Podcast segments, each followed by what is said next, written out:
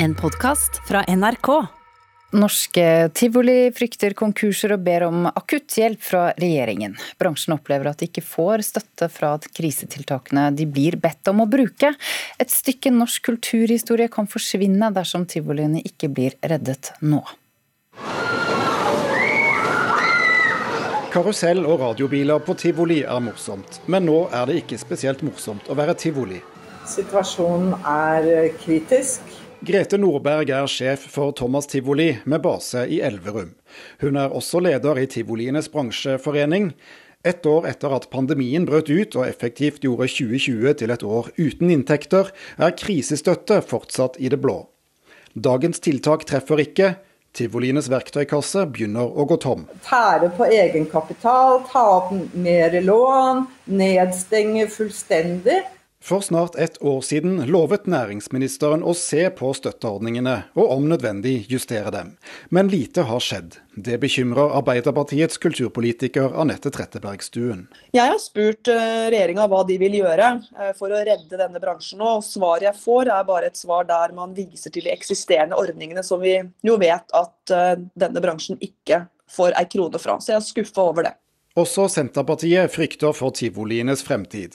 Åslaug Sem-Jacobsen i kulturkomiteen mener det burde vært kulturministerens ansvar å støtte dem. Dette er en bransje som eh, ikke er stor, men er tradisjonsrik og fryktelig viktig for veldig mange eh, festivaler, arrangementer, markedsdager og egentlig for frivillige organisasjoner som gjør dugnad eh, på tivoliene.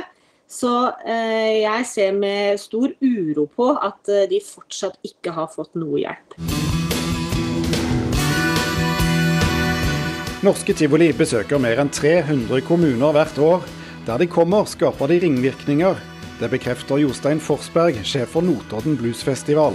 Når jeg nå snakker med den yngste delen av det publikummet som nå har begynt å ta festivalen i bruk, så snakker de alltid om at det første møtet med festivalen, det var at de gikk på tivoli. Og det har gjort at de har fått et uh, forhold til uh, Notodden Blues Festival.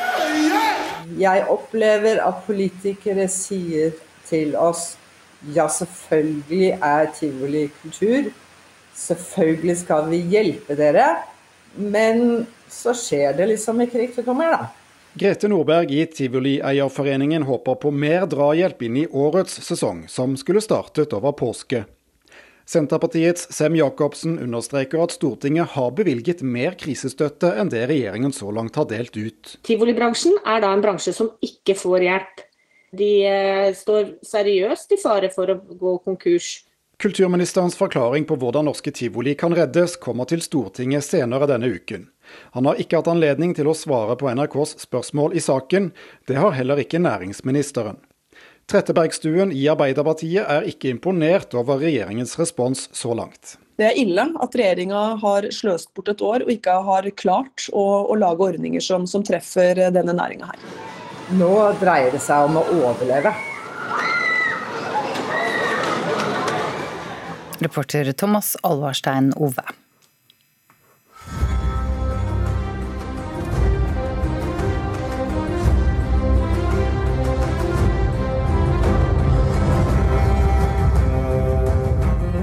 Disse tonene vil for mange vekke minner om Game of Thrones, TV-serien.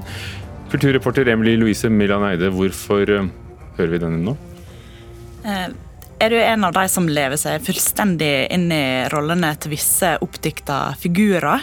Uh, mange har jo vist engasjement i karakterene fra Game of Thrones. Og nå mener noen forskere at de vet hvorfor dette her skjer. Det kan jo bli et slags høydepunkt i løpet av dagen, det å se neste episode av favorittserien sin. Eh, og For noen så kan eh, en bli så glad i disse rollefigurene at de blir som favorittpersoner på lik linje med ekte venner. Og Noen tar til seg visse karaktertrekk, eller starter å sitere kjente replikker fra disse her karakterene. Og om det ikke blir flere sesonger, så kan det bli veldig trist. Eh, og dette er jo ikke noe noe vi finner på, for dette står på forskning.no eh, om hvorfor noen blir så opphengte i, i, rollefigurer, og det blir en slags avhengighet av å få stadig mer om dem. Det er forskere i psykologi ved Ohio State University i USA som har sett nærmere på fenomenet.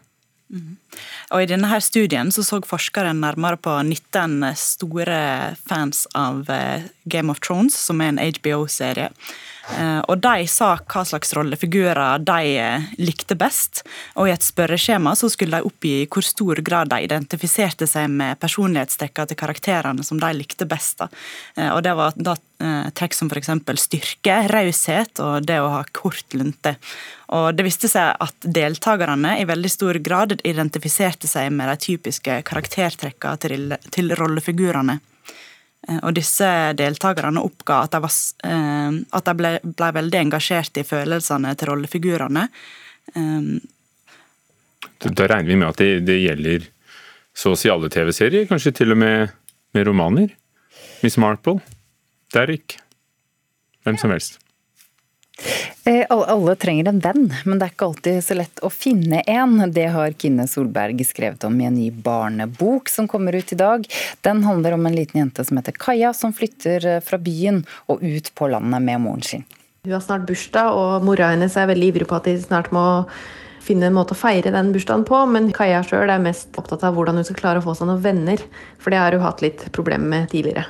Kine Solberg jobber som produsent og manusforfatter for TV og radio. For to år siden debuterte hun med voksenromanen 'Fortell om deg selv med hell'. Etterpå tok et annet forlag kontakt og mente hun burde skrive ei historie for barn. Det hadde ikke jeg egentlig tenkt så mye på det tidligere, men eh, jeg så på det som et litt sånn spennende prosjekt å prøve på. Så jeg ga det et forsøk, og så merka jeg fort at jeg syntes det var et fint litt sånn prosjekt å ha gjennom det året som har vært. da. Nå debuterer hun med barneboka 'Ikke lov å le' om den litt viltre jenta Kaja, som kan minne litt om både Pippi Langstrømpe og Tonje Glimmerdal. Den impulskontrollen da, som hun noen ganger mangler, gjør at du kan havne litt i trøbbel. Men det gjør også at du kan eh, oppleve mye morsomt og spennende som eh, kanskje andre ikke ville opplevd. Jeg skal ikke si at hun går rundt med masse livsvisdom, men hun, hun har noen sånne klare, bestemte meninger om hvordan hun mener ting henger sammen. da. Og her er noen sitater og litt livsvisdom fra barneboka om Kaja. Når noen sier at det bare er en liten ting, er det nesten alltid noe stort. Hun mener vel at hun har gjennomskua voksenverden på flere områder. Noen sier at det er en liten prat, så er det nesten alltid et møte, og at hun kan kjenne inn et møte. Hun har vært i en del sånne um, situasjoner med voksne der hun får litt sånn tilsnakk og sånn. Så hun gjennomskuer alle de der voksne måtene å pynte på ting. Det gjennomskuer hun uh, med en gang. En ny episode det er det det heter på skolespråket. Episode. Vi hadde en episode med Kaja i dag. Det skjedde en litt uheldig episode her i dag. Vi har hatt så mange episoder at vi ser oss nødt til å ta noen grep. Det er det de voksne kaller det på skolen. Hvis hun har havna i trøbbel, som hun har gjort noen ganger, så kaller de det nå har Kaja havna i en episode igjen. Vi har hatt en episode med Kaja. Det er litt sånn som Kaja fnyser litt av, på en måte. For hun anerkjenner ikke den voksne måten å kalle på. For hun mener jo bare 'nå har jeg gjort noe skikkelig teit og dumt igjen'. Mamma elsker bøker. De ligger overalt. Hun sier hun leser dem for å bli klokere, men det er ingen av bøkene hennes som handler om kloke ting. Ingenting om verdensrommet, hjerneforskning eller datamaskiner. Det er jo bare folk som blir kjærester eller dør eller Det har du ikke noe forståelse for. Hvis en virkelig vil ha noe, må en gå for det. Jeg har lest det i en av bøkene til mamma. En må våge å følge drømmene sine, og det er derfor jeg begynner å følge etter Linn i Storefri. Ja, hun tenker jo liksom at ok, nå er det sånn at hvis jeg vil, hvis jeg vil det her, så da må jeg bare prøve. Så hun ser seg ut ei jente i klassa eh, som heter Linn, ganske fort i den nye klassen sin. og og bestemmer seg ganske fort for at eh, hun, vi skal, bli, vi skal bli venner. Og da når hun først har bestemt seg for det, så, så går hun ganske direkte på hun og, og, jobber for at det skal skje. Da. Eh, men så ikke, har hun kanskje ikke så mye trening i hvordan, hvordan eh, sånn et naturlig vennskap oppstår.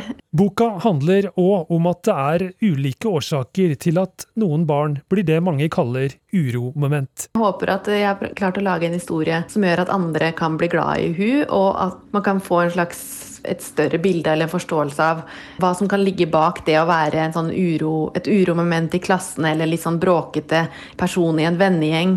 Hva som kan ligge bak, da. Det som man kan se på som slemme handlinger, trenger ikke å eh, ha liksom onde hensikter. Men det kan være at ting skjer litt fort, og, og så blei det ikke helt sånn som man tenkte at det skulle bli. da Sa Kine Solberg, som har skrevet eh, barneboken 'Ikke lov å le', reporter for Stein S. Eide, og så hørte vi Helle Therese Kongsrud lese fra boken. It's beautiful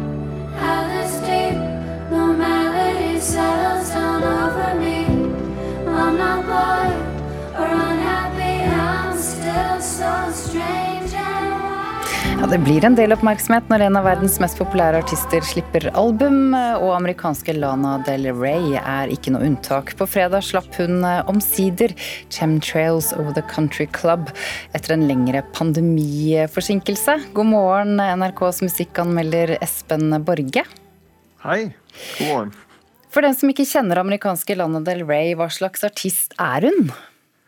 Altså, hun er jo en um, konseptuelt knalltydelig artist som har lagt ganske mye vekt på imagekemeri og bygga opp musikken sin med ganske mye mystikk og glamour. Og da er det ikke en, den moderne typen glamour, men den gamle sorten som vi kjenner fra Hollywoods glansdager og Great Gatsby og alt det her sånn. Men det er i ganske sterk kontrast til hvordan hun starta, fordi hun var nemlig uh, Lizzie Grant i den opprinnelige artistkarrieren sin, og det er ganske langt derifra til den glamorøse og storslagne Lana Del Rey som vi kjenner i dag. og det har ført til at hun blir sett på nærmest som en slags utenomjudisk velsignelse av fansen. Og så er det en del motstandere som mener at hun er en skinnhellig haug med falskt gull. Men glamorøs er hun i hvert fall. Ja, altså, Hun er fortsatt like glamorøs og storslagen på denne platen, eller? Um, ja, altså Det er akkurat det som gjør den plata her så spesiell. fordi Lana Del Rey hun har lenge hinta litt om at hun er keen på å ta farvel med Los Angeles. Glamourens episenter, om du vil. Og hun trekkes mot Midtvesten, eller det amerikanske Heartland, Heartlandet, som er et område som er kjent for americana og country. Og da blir det en ganske interessant sjangerblanding når, det liksom, når man tar det episke fra Los Angeles og, og putter det på de bondske og litt sånn jordnære gulrotåkrene på prærien. Ja, vil du si at hun lykkes med denne sjangerblandingen? Ja, altså I starten av plata så er det ganske lite som vitner om at Lana Del Rey er midt i et stilskifte. Da er det helt ordinære Lana Del Rey-låter, de tre første låtene cirka. Men midtveis så blir det ganske spennende, og da er det for første gang viser den viljen og ambisjonen til å, å virkelig omfavne den amerikanersjangeren som som hun gjør veldig med den låta som heter 'Not All Who Wonder Are Lost'. Som er en Tolkien-referanse, tror jeg. Uh, og Den er en miks mellom det storslåtte og det jordnære. Og så vil jeg også gjerne nevne 'Love You Like a Woman', som byr på mange sånne klassiske countrytriks. Som er veldig sånn påtrengende harmonisk koring og kraftige og veldig sånn gjenkjennelige refreng. Mm. Så utover i plata så er det ingen tvil om at Lana Del Rey hun klarer å fange liksom essensen av Heartlandet og tilføre det noe nytt med sin egen sånn ja, nesten Citizen Kane-glamour. Ja, da skal vi høre et eh, kutt. Eh, vi skal høre en låt som heter eh, Wild at Heart. I left Calabasas, escaped all the ashes, ran into the dark. And it made me wild, wild, wild at heart. Musikkanmelder Espen Borge, hvis du skal eh, trille et uh, terningkast, hva blir det da? Ja, da vil Jeg si at jeg, jeg syns hun eh, lykkes ganske kraftig, i hvert fall utover på plata her, med å blande de to veldig uvanlige sjanger, sjangerne. Så da lander jeg faktisk på en femmer, altså. Ikke verst. Takk, musikkanmelder i NRK Espen Borge, og du kan eh, lese hele denne anmeldelsen på nrk.no skråstrekk anmeldelser. Og vi kan jo legge til at uh, tittelen 'Chemtrails eh, over countryklubben', det viser jo til denne konspirasjonsteorien om at kondensstripene fra fly da angivelig ifølge noen inneholder kjemikalier som myndighetene har satt der for å gjøre oss dumme og tilforlatelige, tror jeg. Dypt stoff det der, altså. Du har hørt en podkast fra NRK. Hør flere podkaster og din favorittkanal i appen NRK Radio.